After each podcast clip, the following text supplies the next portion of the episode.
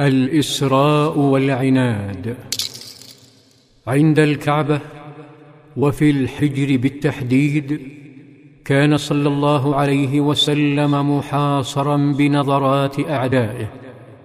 امتلأ المسجد الحرام بصيحات التكذيب ورددت جنباته أصوات التصفيق. وشعر أبو جهل بنشوة استثماره للحادثة.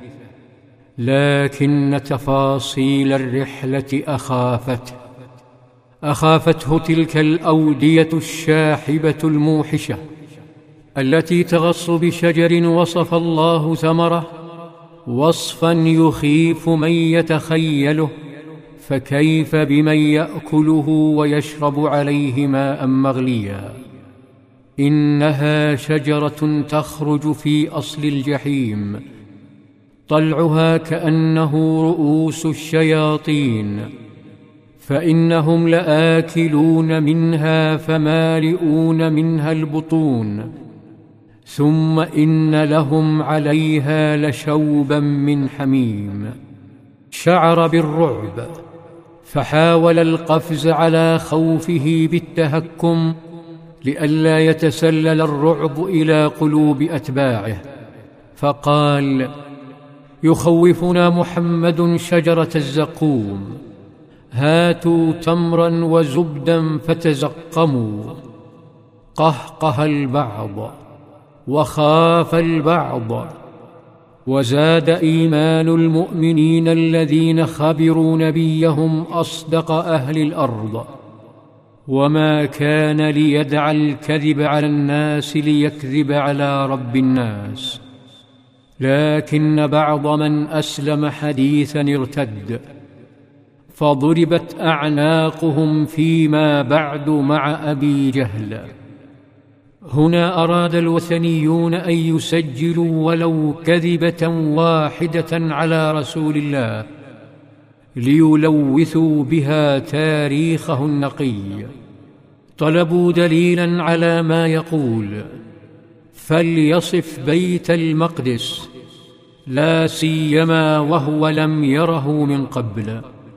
قالوا هل تستطيع أن تنعت لنا المسجد؟ وفي القوم من قد سافر إلى ذلك البلد وراى المسجد. عندها شعر النبي صلى الله عليه وسلم بكرب شديد. فبدأ يصف ما علق بذاكرته والتقطته عيناه. حتى التبس عليه بعض الوصف فاجتاحته مشاعر قال عنها لقد رأيتني في الحجر وقريش تسألني عن مسراي فسألتني عن أشياء من بيت المقدس لم أثبتها فكربت كربة ما كربت مثلها قط. وفجأة يجلي الله له بيت المقدس حتى صار ينظر إليه بين المسجد الحرام وبين دار ابن عمه عقيل بن أبي طالب يتأمله يطوف به بصره فلا يسألونه عن شيء من أبوابه ونوافذه وجدرانه إلا أخبرهم. فيتلفت بعضهم إلى بعض حائرين من هذه الدقة حتى قالوا اما النعت فوالله لقد أصاب. بعدها انصرفوا وقلوبهم شتى. أما هو صلى الله عليه وسلم فتوجه نحو أصحابه يقص عليهم ما رأى من عوالم هائلة ونعيم ينتظرهم. أخبرهم بفرض الصلوات الخمس وحدد لهم بداية صلاة الفجر فقط.